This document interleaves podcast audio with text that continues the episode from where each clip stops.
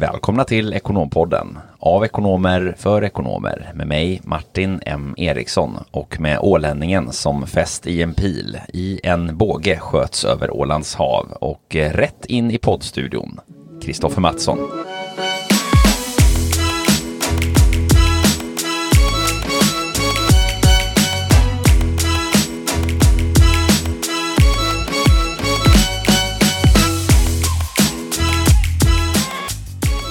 Du Martin idag? Ja, jag blev precis eh, skadeskjuten här av en eh, pil som gick rakt in. Nästan som Amors pilar, känner mig full av kärlek idag faktiskt. Ja, sitter man under trädet med ett äpple på huvudet och hoppas på att inte få pilen i ansiktet. Ja, exakt så är det. Men tack som frågar. Jag mår faktiskt alldeles utmärkt.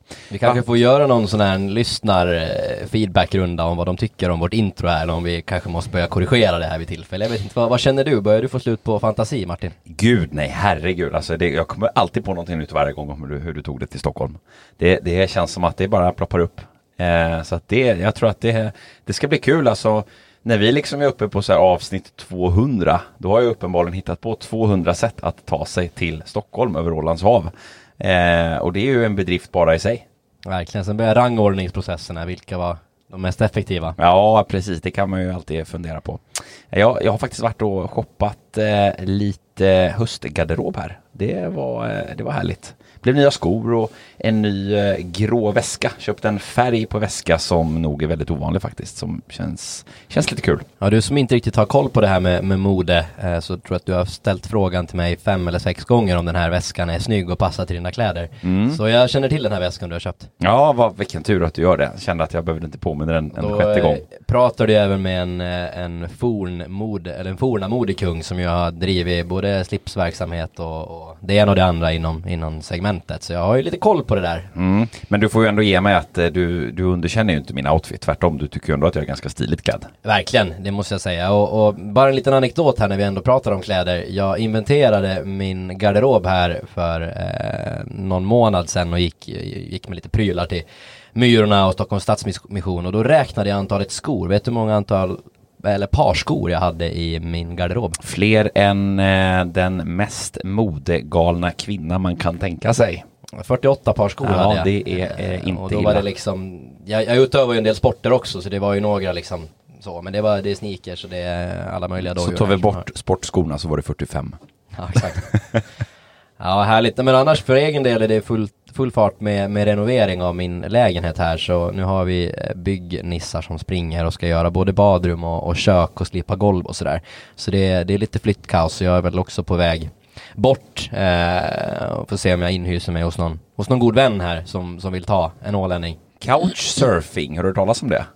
Det är ju ett sätt att semestra för övrigt. Du kan ju prova här hemma i Stockholm. Verkligen, det är bara att gå eh, ut på nattklubb och fråga om man får sova hos någon kompis. Ja, det är också en, en, en eh, möjlig väg i och för sig. Ja. Nog om couchsurfing. Eh, det vart ju lite stökigt här eh, i helgen också och det var ju ganska intressant. Eh, eh, det var ju onsdagen här då, den, eh, den 29 september som öppnades upp. Eh, och det roliga var ju att det var ju många som faktiskt hade gått ut och, och partajat redan på tisdagen klockan 00.00. Då var det ju en del nattklubbar och krogar som drog undan alla eh, bord och stolar och eh, gjorde dansgolv för att det var ju egentligen då restriktionerna släppte. Ja verkligen, det finns ju inga minuter att spilla. Det var eh, från, från tisdagen där så fick man kampanjer att vi kör en sedvanlig middag, sen röjer vi undan bord och stolar och så är det nattklubb direkt och den natten till den 29 Som jag då uttryckte det eh, lite, lite, lite skojsigt sådär att det är kosläppet 2021 som, som går då av stapeln och, och just jag tror att det är väldigt, väldigt många som har uppskattat att det öppnar upp igen och att man får gå ut och träffa vänner och käka middag i större sällskap än åtta personer och även eh, dansa på, på nattklubbar eh, etc. Så det, det har varit en, eh, några jäkligt roliga helger här som, som vi har bakom oss och framför oss också för den delen. I dagens avsnitt har vi ju äran att eh, gästas av eh, en riktigt rutinerad eh, eh, man som har många strängar på sin lyra. Eh, han är utöver en eh, riktigt eh, vass, erfaren strateg eh, med en hög analytisk höjd och en jäkel på människor. Eh, också eh, en dold talang, eh, full person inom musikproduktion som faktiskt har eh, tagit eh, det intresset till en, en riktigt, riktigt eh, hög nivå, vilket vi snart faktiskt ska återkomma till. Men idag fokusera på hans erfarenheter från rollen som CFO i en rad olika bolag. Varmt välkommen hit Andreas Hultgren. Tack så mycket. Tackar. Riktigt kul att, att ha dig här. Kul att vara här. Du började ju din eh, karriär med utlandstjänstgöring. Eh, först i Frankrike och eh, senare en sväng till Tyskland innan du eh, landade här hemma på, på svensk mark igen. Eh, vill du eh, berätta lite grann om vem du är Andreas och din, din resa fram till där du är idag? Absolut, det har varit en riktigt spännande resa och det, vi, det är inte bara CFO som jag har jobbat som utan det är många andra närliggande roller och och karriären börjar ju någonstans troligtvis. Ja, precis. Det började faktiskt med ett examensarbete i, i Tyskland. När jag jobbade med kommunikationsförbättring i en fabrik. Det var faktiskt så här att då SCA som var sedermera alltså min första arbetsgivare hade förvärvat ett bruk då i, i, i Tyskland som hade en något annorlunda kultur mot svenska SCA då så skulle de här gifta sig. Så att det var jättespännande där att komma in i och eh, där är väl egentligen mitt intresse av människor som, som inte minst föddes, föddes där då, då. I alla fall, jag eh, fick min första anställning som trainee då inom SCA. Eh, för er som inte känner till SCA, en stor del av SCA är ju S idag på konsumentsidan som jag jobbar mest med. Då.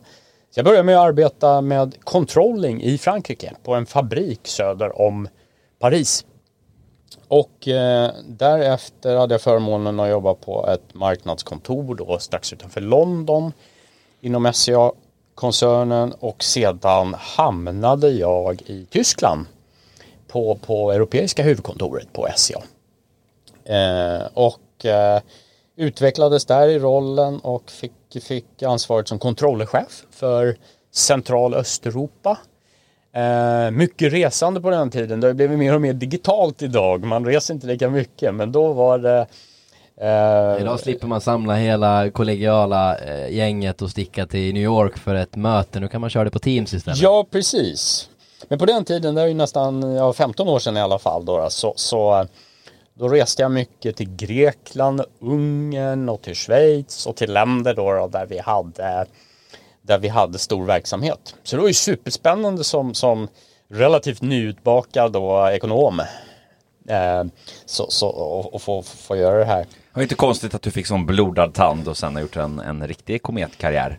Nej, det var, det var, det var faktiskt eh, riktigt skoj. Sen kom jag hem till Sverige. Det var väl både hemlängtan och eh, Kärleken? Ja, jakten efter i alla fall. eh, som fick mig hem till Sverige och då jobbade jag med strategiskt inköp. Och det är inte alls så långt från controlling och CFO-skap och så vidare som kan, man kan tro. Det är mycket sammanställningar av data och det är mycket spännande analyser, både historiska och framåtriktande och det är stor del av förhandling. Så jag jobbade med strategisk inköp en stund i SCA på, på, på huvudkontoret i Stockholm. Eh, sen blev det omorganisation som det ofta blir så stora organisationer och fick då förmånen sedan att jobba på Investor Relations. Det vill säga att få presentera då SCA som jag kunde relativt väl då efter ett antal år, sju, sju åtta år blev det väl totalt. Och få presentera SCA för både små investerare som aktiespararna så att säga de är inte så små höll jag på att säga, men jämfört med kanske Credit Suisse och, och andra av de här storbankerna där vi åkte runt på investerarträffar. Allting, Oerhört spännande. Allting är relativt som ja. du var inne på. ja, precis. Va? Jättespännande och inte minst, vi kommer in på det senare med hållbarhet. Då hade jag förmånen att få åka med hållbarhetschefen och presentera SCA då. då. Och det här var ju kanske två av de mest spännande åren så karriärmässigt faktiskt. Så det finns massa möjligheter om man liksom går in på kontrollchefsspåret eller CFO-spår. Det finns massa liksom närliggande roller som är jätteinspirerande. Och där tänkte jag bara lägga, slå ett slag för eh, ett av våra tidigare avsnitt här i Ekonompodden också när vi faktiskt eh, eh ja, benar ut egentligen controlling-yrket och hur du kan mm. jobba i olika organisationer och, och, hur rollen kan, kan se ut och det är ett jättebra förberedande mm. steg för att ta då nästa kliv kanske och bli mm. CFO då. Absolut, absolut. Ska inte bli långrandig här, ni hör att jag gillar att prata om det här. Det är ju, eh, det har varit en spännande resa på många sätt då. då. Men sen tog jag mig ut till, till AstraZeneca, arbetade som, som interimt för första gången. För ungefär 10-12 år sedan är det väl. Eh, eh, I deras globala inköpsorganisation som låg nära, nära det jag hade sysslat med lite grann då på SCA. Eh, där ska också göras bokslut och prognoser och så vidare. Eh, efter den rollen så, så tog jag steget och tog min första fick möjlighet att jobba som CFO då i en renodlad roll för ett, ett stort konsultbolag. Eh, Madeo hette det på den tiden. Det var ju en riktigt, riktigt häftig resa. Verkligen, verkligen. Inte minst då, vi hade en enorm tillväxt i bolaget. Vi tog in fler och fler konsulter då, då eh, som skulle arbeta med att bygga upp eh, e-handelsplattformar. Eh, bankplattformar, det var myndigheter som bygg, byggde sina plattformar och så vidare. Så att det här växte enormt så att en stor utmaning var ju att automatisera flödena, få det att fungera med begränsat antal eh, administratörer och ekonomer och så vidare och support i supportfunktionen. Jättespännande. Där var man ju tidigt på den, den trenden som ju är en, en, en ganska stor trend idag som genomsyrar alla bolag i princip nästan i alla branscher. Och där var ju väldigt tidiga. Ja, visst, och vi kommer ju in på det lite senare med, med automatisering och digitaliseringar och så som, som, som, som sker så, så, på, både gott och ont här. Mm, precis. Eh, det här bolaget blev eh, sedan uppköpt. Vi fick bud på företaget och så vidare och jag arbetade med due diligence-processen. Att visa hur, hur bolaget ser ut då inför för, eh, våra, våra vänner som ville köpa koncernen då. då. Och eh, arbetade ju dag och natt höll jag på att säga. Någon sommar där, det var inte många lediga dagar med, med, med due diligence. Då, då. Men det var också en så här jättespännande resa, en bra byggsten då, då i CFO-arbetet. Sen har jag suttit som lokal CFO då, eller business partner på, eh, för en av divisionerna inom konsumentprodukter på Philips också. Och eh, suttit som CFO också i datacenterbranschen och jobbat i interima roller som också är en spännande, vad ska vi säga, alternativ eh, karriärväg om man, om man är intresserad av att se många organisationer och, och, och lära sig olika kulturer och ha lite skinn på näsan också kan vara bra i, i en del lite tyngre interima roller. Vi kan komma in på det mer senare. Ja, verkligen, för där har du ju en, en, en enorm bredd eh, och ett enormt djup, Andreas, både mm. från liksom eh, en ehm, rad olika delar av, av CFO-rollen, mm. likväl som olika branscher, eh, eh, både nationellt, internationellt, eh, stora små bolag och faktiskt i rollen som anställd eh, och eh, även som interimskonsult. Ja, precis. Så att det är en, en, en, en ära att få ha dig i Ekonompodden. Och, eh, Kul att vara här. Kul att vara här. Du kan väl få börja bara beskriva din lite take på det, någonting som ju vi ofta får frågan och just den här begreppsförvirringen, eller förvirring kanske det inte behöver vara, men hur du skulle då eh, skilja på eh, begreppen ekonomichef och CFO då, Chief Financial Officer, som ju det skulle kunna vara samma roll i ett bolag och det skulle också kunna vara två olika roller i ett annat bolag. Vad, hur ser du på det om vi, om vi börjar där då? Ja, jag tror att eh, CFO eh, i alla fall i generella termer, precis som du säger kan det vara olika i olika typer av verksamheter, olika typer av bolag. Men jag tror att CFOns agenda, om vi drar, gör en liten distinktion mot en klassisk ekonomichef eller redovisningschef, är ju en person som behöver kunna förstå verksamheten väldigt väl, verksamheten och inte bara financial accounts och så vidare. Och stå väldigt nära verksamheten och inte minst förklara verksamheten på ett väldigt enkelt begripligt sätt inte minst på teammöten, ofta är det vanligt så att vd drar drar för hela, för hela gänget vad som händer och sker och sen klär eh, CFOn skeenden, både historia och, och kanske framåt olika scenarier liksom i finansiella termer. Och där en duktig CFO eh, behöver kunna förklara det här för någon som kanske inte alls jobbar med, med siffror till dagligdags. Det finns ju väldigt många avdelningar som inte gör det och väldigt många personer som inte är seniora och kanske i organisationen som inte är van så att säga med, med olika termer. Och det här är ju liksom en duktig CFO, jag ser en trend som vi kommer in på lite senare kanske, men eh, en duktig CFO behöver kunna förklara det här väldigt väl för att hjälpa till och bidra, eh, hjälpa vd och ledningsgruppen så att säga att, att få folk med sig, få organisationen med sig och motivera och, och, och så vidare.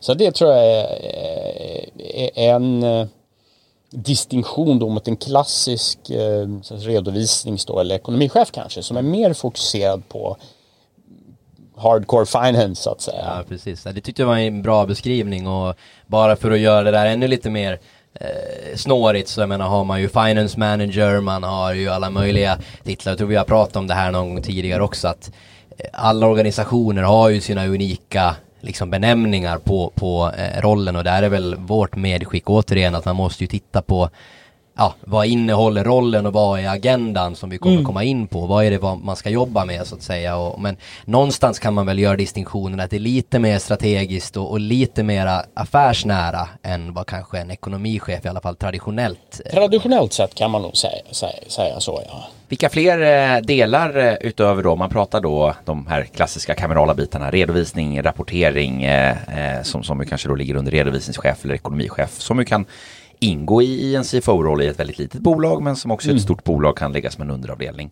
Mm. Eh, utöver redovisning och rapportering sen har vi då kanske någon form av, av controller-roller, financial controllers, business controllers som, som jobbar mycket eh, i, i, i, kanske bredare, eh, bredare frågor och där har vi ju tidigare i controller eh, yrket diskuterat att det kan ju i sig innehålla en väldigt stor varians. Men jag tänkte fråga dig Andreas, vilka komponenter och områden skulle du vilja liksom rabbla upp som, som ändå kan ligga i CFOns agenda? Om man tar exempelvis då eh, finansieringsfrågor eller eh, frågor som handlar om, om eh, bolagets eh, strategi framåt, om uppköp eller förvärv eller mm. börsnoteringar. Mm. Och Vill du börja mm. exemplifiera lite de områden som, som kan landa på CFO?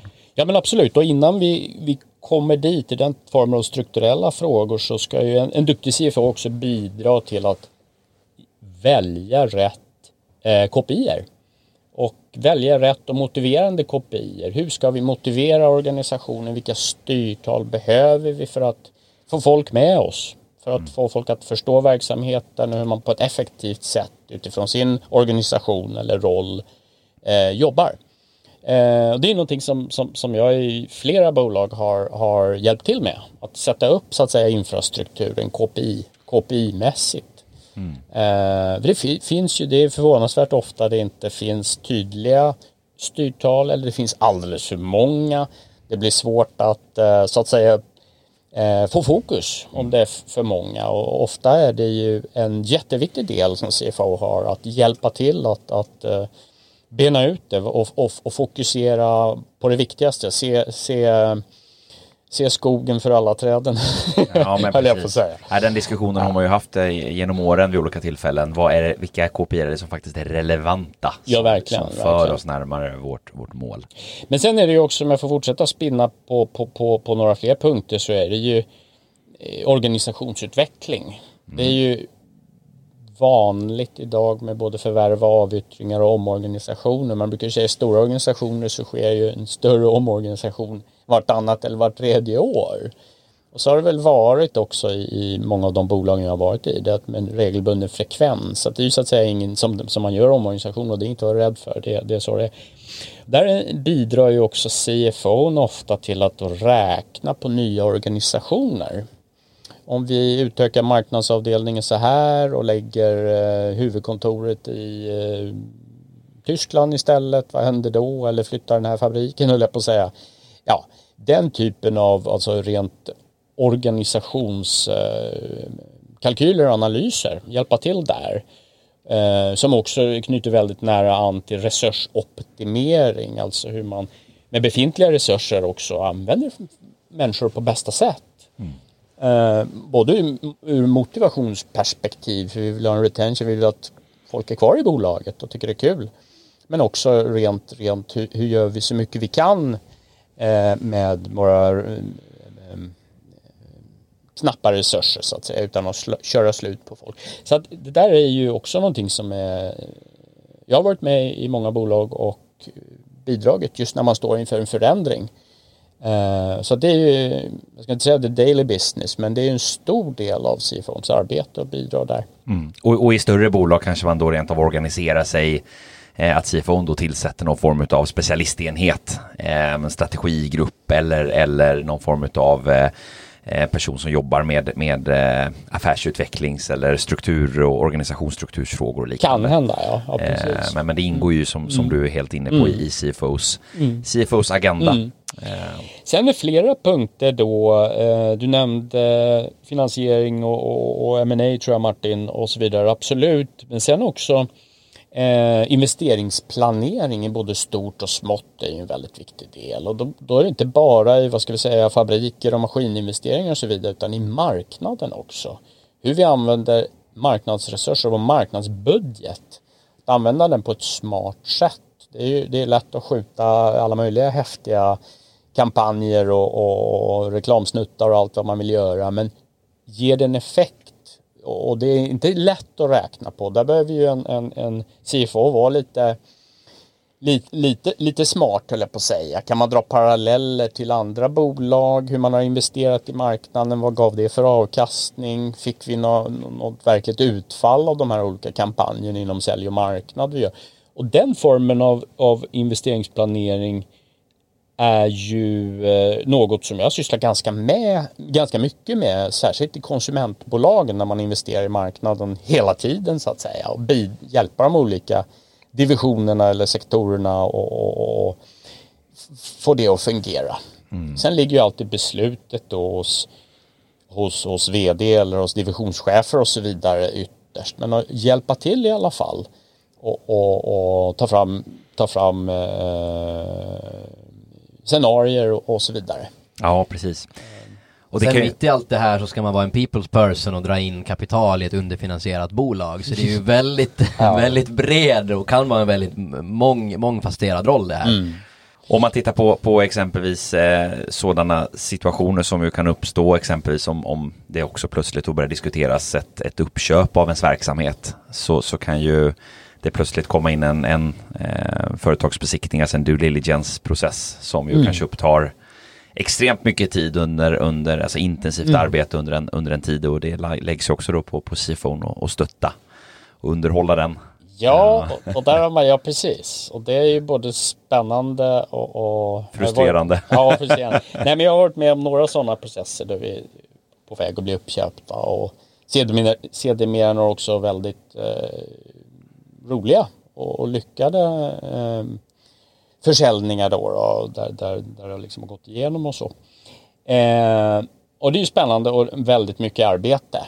Eh, och där, där gäller det också att vara en people's person, person och läsa av organisationens eh, välmående höll jag på att säga. För det blir ju ofta rörigt när man kanske, kanske jobbar mer än heltid i vanliga fall när saker och ting är på plats under någon form av daily business och så får man kanske ett nytt företag som ska drivas parallellt med helt andra system fast med färre resurser och sådär. Så Verkligen. Är... En, en, viktig punkt då som man bör klara av är att ha någon form av strategi för hur man ska prioritera sitt arbete och vilka, mm. vilka mail ska man svara på när man har 2000 olästa i mm. mailkorgen. Mm.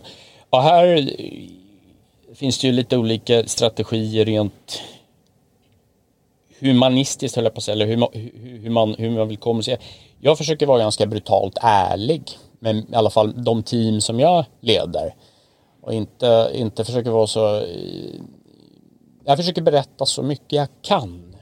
Vad som pågår i styrelse, vad som pågår i ledningen, hur man tänker. Sen är det ju ofta så, eller så i många ledande roller att man kan inte berätta allt hur som helst. Eh, varken publikt eller till, till personalen rakt av. Men, men så mycket jag bara kan försöka jag förmedla och så, och, för jag tror verkligen att information och man är ins, insatt i vad som sker runt, runt omkring en är jätteviktigt för att, för att få en, en exempelvis ett, ett förvärv eller en avyttring att fungera. Eh, för i möjligaste mån eh, få människor med sig. Eh, så öppenhet där i möjligaste mån, det, det, tror jag är en nyckel verkligen. Om man tittar på, på eh, de ansvarsområden då som, som läggs på CFO. Eh, om man som då kandidat till exempel för en CFO-roll tittar på en ny tjänst eh, där man ska kliva in som CFO.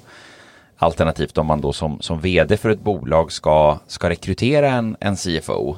Eh, hur, hur bör man tänka? Vad har du för liksom generella spaningar och erfarenheter när det kommer lite till valet av CFOns kanske primära så att säga, uppdrag? Kanske i den fasen där bolaget är och lite vilka, vilken typ av, av frågor som är viktiga att ha med sig in i till exempel då en, en, en rekrytering av en, av en ny CFO. Mm. Vad, vad har du för, för erfarenheter och spaningar på, på det här ämnet? En tydlig kravspes det är ju där det börjar eh, ofta. Eh, vad är det vi, är vi ett bolag, har vi en kultur där vi är starkt centraliserade och vill göra allting själva som, som styrelse och ägare eller är vi ett bolag som, som jobbar mer med empowerment där vi vill att vi ska kanske bli mera visionärt styrda och, eh, eller att bolaget leds mer visionärt utifrån starka medarbetare. För att nämna två, två extremer då så att säga. Och eh, att utifrån vad man själv vill eh, sätta upp en väldigt tydlig kravspes. Vad är det för pro profil då vi söker som, som kan, kan, eh, kan matcha det här? Mm. Det är ju en viktig del i arbetet i alla fall, i förarbetet. Eh, och sen, eh, ja förutom då hantverk naturligtvis. Så. Bransch eh, är ju inte nödvändigtvis alltid det är extremt viktigt. Kanske kan inte, vara, kanske inte ens alltid en fördel att ha erfarenheten. Ibland kan det vara en fördel att komma från andra håll. Ibland ja. Eh, och, Ibland det, och, det, beror ju på vad, vad bolaget står inför. Mm. Alltså stå, står, mm. man, mm. står man inför en stor, eh, stor eh, förändringsprocess i någon form så, så kanske det är mer den operationella eller strategiska specifika erfarenheten man, mm. man är ute efter snarare än kanske specifik branschkunskap. Mm. Men, men det mm. skiljer sig lite från, från bransch till bransch. Sen tror jag personkemi utöver då hantverket och så att kunna sitt hantverk och så vidare som är en hygienfaktor. Då är det ju ofta personkemi. Är det här någonting som kommer rent passa in i vårt team? Är det någon som, som, som kommer att kunna, vad ska vi säga, eh, bidra till en god stämning? Bidra till en, till en till, eh, glädje som också arbetet måste vara. Mm, Även för CFO höll jag på att säga och, och alla medarbetarna förlåt, i de sifferintensiva teamen. Ja, exakt. Nu sitter vi i Ekonompodden här och pratar, men, men för någon som inte, någon som inte är ekonom och, och, och någon som inte eh, som kan, kan det vi gör och jobbar med, om man uttrycker det så, kan ju ofta eh, finans och ekonomifunktioner upplevas som, som torftiga och lite torra eh, eh, och lite sådär och, och, så ser det ju inte nödvändigtvis alls ut utan faktiskt snarare tvärtom och det, det är ju lite, vi ska komma in på trender här också men det är ju det vi också ser att jag menar de blir ju allt mer och mer affärsnära och, eh, och det finns mycket utveckling som, som ligger inom ramen för det också. Om man tittar lite på samhällstrender och liknande, eh, Andreas. Eh, så är ju hållbarhet någonting som det har pratats väldigt hett om under eh, de senaste åren. Vi ser ju bolag som eh, jobbar med eh, hållbarhetsagendan väldigt högt upp. Eh, man tittar på hur man ska kunna bli eh, ett, ett, en, en hållbar aktör, bidra till, eh, bidra till allt eh, hållbart här i världen och så vidare. Eh, vad ser du som, hur ser du, hur ser du på CFOns roll i en allt mer hållbarhetsorienterad värld? en intressant fråga. Nej, men, så jag har ju hållit på nu i 20 år med den här ekonomin ekonominära eller CFO-nära arbete eller som CFO. Och vad jag ser eh, har hänt är ju att hållbarhetsfrågor tas ju på ett allvar idag på ett annat sätt än det kanske gjorde för 20 år sedan. Idag då kommer man inte igenom nyckelhålet med att eh, börja med en ny leverantör så att säga om inte leverantören har, har gått igenom en gedigen eh, code of conduct eller hållbarhets svarar upp mot hållbarhetspolicies. Och det är någonting som man inte viftar bort idag. Kanske på samma sätt som man gjorde för 20 år sedan. Utan det är någonting som är ett krav och, och eh, hållbarhetschefen sitter ofta i lednings, högsta ledningsgruppen numera och det är ett mycket mer seriöst arbete vilket ju är jättebra. Eh, och eh, nyckeltal också kring, kring hållbarhet eh, blir ju allt vanligare. Vad, vad pratar man om för nyckeltal då? Har du något exempel så på rak arm eller? Nej men det kan ju vara just det här med, med suppliers då hur man, hur man arbetar, vilka länder man vill arbeta med. Eh, en självklarhet som att man inte tillåter barnarbete och så vidare. Det måste ju vara tick-off på och det, då jobbar man ju ofta efter sådana här trafikljussystem då. då att man vill ju att helst att alla leverantörer ska bli helt gröna så att säga på alla områden. Eh, det är ju ett, liksom ett pragmatiskt sätt att jobba med nyckeltal in, inom en så viktig fråga som hållbarhet. Sen finns det ju massa annat också men, men eh. En strävan efter att bli politiskt korrekt eh, skulle man nästan kunna ta. Ja, man lite, kan skoja lite. Lite taskigt uttryckt kanske men, men absolut, så men, kan det vara i vissa bolag. Med glimten i ögat. Ja, så kan det vara men, men eh, det här är ju verkligen jag tycker det är jättekul och jättebra att det faktiskt går åt rätt håll på många områden, även om det finns utmaningar. Att, att det faktiskt hållbarhetsfrågan tas på allvar. Vilka resurser vi använder, vilka insatsmaterial vi använder, vilka, vilka länder vi jobbar med.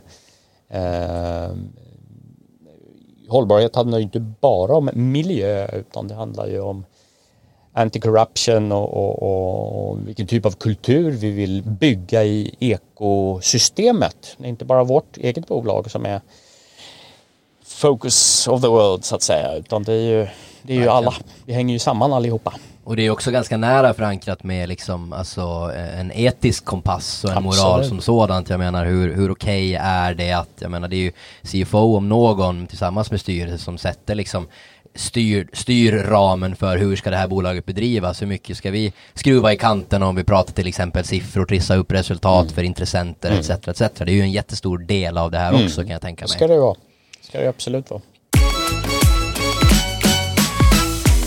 I takt med eh, att CFO-rollen då ju har vuxit eh, sett till att fått ett ja, en större och, och, mer betydande vikt egentligen i bolagens utveckling och, och fått betydligt fler liksom komponenter i sig och, och, svarat upp för fler och fler frågor och viktiga kanske utvecklingsprojekt och annat internt eh, i, i, i organisationer och externt mot, mot andra intressenter. Så är en fråga som jag har eh, till dig Andreas, hur lite grann man som CFO vilken typ av liksom kanske intressekonflikter man, man kan ställas inför och hur man i rollen som CFO navigerar bland de här. Jag tänker exempelvis då ju på att vi har en, en organisation med, med medarbetare eh, ute i organisationen som, som eh, kanske har liksom en, en kultur och en kulturell drift åt ett visst håll och sen har vi ledningsgrupp grupper och, och sådär som har sina intressen och drar i en och, och, och vill påverka och har en vd som man kanske ibland är jätteöverens med och ibland inte överens med och sen har vi en styrelse och ibland har vi jättenära ägare som kanske i värsta fall säger jag i citat jobbar ute i organisationen. Eh, eh, och, och där ju man bara känner när man tittar på det här att gud vad utsatt roll ändå på sitt sätt att svara upp för så många typer av projekt och processer och leveranser till väldigt många personer i, i, i, i kontexten. Eh, och när det drar åt olika håll, hur, hur, hur agerar man och hur navigerar man i det som CFO och hur bör man tänka om man är kanske ny i rollen som CFO när man kommer in i, i en roll där man axlar en sådan som man kanske inte heller har en erfarenhet att, att axla? Nej, precis. Alltså det är ju om vi går nästan ett steg tillbaka så att säga det här med att anställa en CFO så tror jag det är då viktigt att försöka få in någon som inte bara är analytisk och kameral då, utan också empatisk, en god teamspelare, har en god eh, kompass att säga på, på den här typen av hållbarhetsfrågor och etiska frågor. Det är jätteviktigt tror jag. Man bygger upp ett team som, som står upp för bolagets grundläggande värderingar. Och visst är det så att fungerar inte det så får man ju gå skilda vägar. Man kan ju ha olika synsätt eh, så. Men, men jag tror att en grund, grund för ett hållbart bolag är att bygga ett team som har samma värderingar som, som, som eh, bolaget står för så att säga. Eh, men det är inte lätt och eh, naturligtvis och, och ehm, bevara vara sig själv eh, tror jag är jätteviktigt. Att, att inte eh, låta sig utmanas från sånt som är grundläggande. Jag tänker det här måste ju vara framförallt utmanande för en, en kanske mer junior person som kanske inte har suttit i den här rollen tidigare. Mm. Eh, och man har ju inte kanske samma erfarenhet av att komma emellan olika intressenters vilja då inom organisationen Nej. och utanför organisationen. Nej, precis. Eh, men eh, det är väl medling som allt annat tänker jag. Ja, det är det. Förhandling är ju, ju viktigt. Det är, inte, det är inte sällan man har medlat mellan olika personer i ledningsgruppen då. Eh, och, och, i organisationen också för den delen. Då, då, För ofta kan man ju få med viss struktur och ordning och reda som, som i alla fall många CFOer har. Så det brukar vara en ganska bra egenskap för att kunna medla också på ett strukturerat sätt och få, få, få folk att arbeta tillsammans. Kanske finns en anledning till varför eh, nästa vd ofta tidigare har varit CFO vikten av, av just alla de här bitarna som du, som mm. du är lite inne på. Mm. Men vad, vad skulle du säga är tipset då till om man kliver in som, som ny här i en roll, eh, första CFO-rollen i ett bolag och man tar anställning i den. Vad, vad, vad, är, vad är frågorna man orienterar sig inom och vad, vad spontant ska man vara vaksam på? Jag tror att det är viktigt att eh, våga fråga. Att frå, våga på ett eh, schysst sätt ifrågasätta också och känna det redan vid anställningsintervjun. Är det här någon, någon vd som tål, tål att bli, alltså på ett, på ett konstruktivt sätt bli ifrågasatt? För att i, i, i rollen som CFO så jobbar man väldigt ofta väldigt nära CFO. Man är näst, ofta som nästan samma person eller på att säga. Ja, du menar nära, nära vdn? Ja, precis. Så att eh, det är en, en, ett par som måste fungera och det måste man känna redan vid anställningsintervjun. Sen är det ju lätt för, för en ung CFO-kandidat så att säga på första CFO-intervjun att bli smickrad och så vidare. Men, men ska man liksom backa bandet och, och nu när man har erfarenhet och liksom, då, då är väl det Känns, känns det rätt och känns det bra? Mm. Eh, redan från början tror jag är jätte, jätteviktigt. Och sen inte um, tro att man kan allt. Det finns nog ingen CFO som, som oavsett hur lång erfarenhet man har som kan allt. Att vara ödmjuk med vad man kan och inte kan och vad man behöver hjälp. Och ofta jobbar man med väldigt knappa resurser som, som, som, som CFO. Mm. Och, och eh, där måste också det vara en öppen dialog om resursfrågor. Eh, så att för att manage expectations så att säga i både uppåt och neråt och vertikalt och horisontellt eller på att säga i, i organisationen. Ja exakt, för, för det är väl lite det, är det som blir eh, lite eh, så att säga karaktäristiskt för CFO-rollen idag att, att, att många av de kanske frågeställningar som, som man behöver lägga tid på. Eh, som vi pratade om det här som, som du lite var inne på tidigare, alltså resursoptimering, organisationsutveckling, strategiska frågor om vilken typ av, av marknader man ska fokusera på och, och rent och internt organisatoriskt få ihop allt det här och dra åt samma håll. Det är ju mycket managementfrågor. Mm. Och, och jag menar, det är precis som du själv är inne på då, att då, då, då blir ju någonstans kanske eh, en, en viktig komponent för att bli framgångsrik som resurs, om man får uttrycka det så, gentemot en vd, att faktiskt kunna på ett konstruktivt sätt utmana. Mm. Ställa de frågorna eh, som man behöver ställa, in, kanske inte ens bara för att man själv ska förstå, utan man kanske behöver ställa frågorna för att få vdn att tänka till ett Mm. varv och, och så att säga kalibrera sig på samma nivå. Absolut. Så, så att det är ju inte en, en, en, en, en roll där det räcker att, så att säga, bara exekvera på order. Eh, om man ska lyckas och växa och, och bli framgångsrik i den. Utan då krävs det just det här att, att kunna vara en, en, en speaking partner. Verkligen. verkligen. Och sen underbygga med, med analys och fakta och, och, och resonemang och allt det här också som du, Mm. som du ju faktiskt var inne på tidigare. Ja, vi var inne lite grann på trenderna att, att, att ekonomifunktionen och inte minst CFO-rollen eh, utvecklas från att vara kameral till att bli ett mer ett strategiskt bollplank och verksamhetsutvecklande organ så att säga. Ja, exakt. Och det, det, det är precis som, som vi var inne på här initialt och tidigare också. Att det är ju det är väl kanske de två stora, eh, stora blocken som finns här i, i CFO-agendan. Vi har ju den rena och skära kamerala delen som ju handlar om, om, om att få eh, ordning i redovisning och rapportering både internt och de, de krav man har också från externa myndigheter och liknande. Och, och sen den här mer affärsnära och utvecklande delen. Och, och eh, vi ska ju hoppa in här i, i eh, del två på lite de, de trenderna som, som vi ser också och eh, massa andra spännande frågor som, som vi har till dig. Så stort eh, tack Andreas för den här eh, introduktionen till, till CFO-agendan och både de ansvar och, och, och så vidare som hamnar på CFO och, och lite allmänna tips och tricks inom, inom området. Jag tycker det var en jättebra introduktion och i del två här som, som kommer efter denna ska vi fördjupa oss lite grann då dels på de trenderna som vi ser inom, inom ekonomifunktionen och CFOns arbete. Vilka är de och vad är din take på dessa? Och eh, lite andra fördjupningsfrågor eh, på ämnet som vi ska få äran att prata med dig om. Så eh, det ser vi fram emot att få eh, ta vidare. Så eh, varmt välkomna till, till nästa del. Fortsättning följer.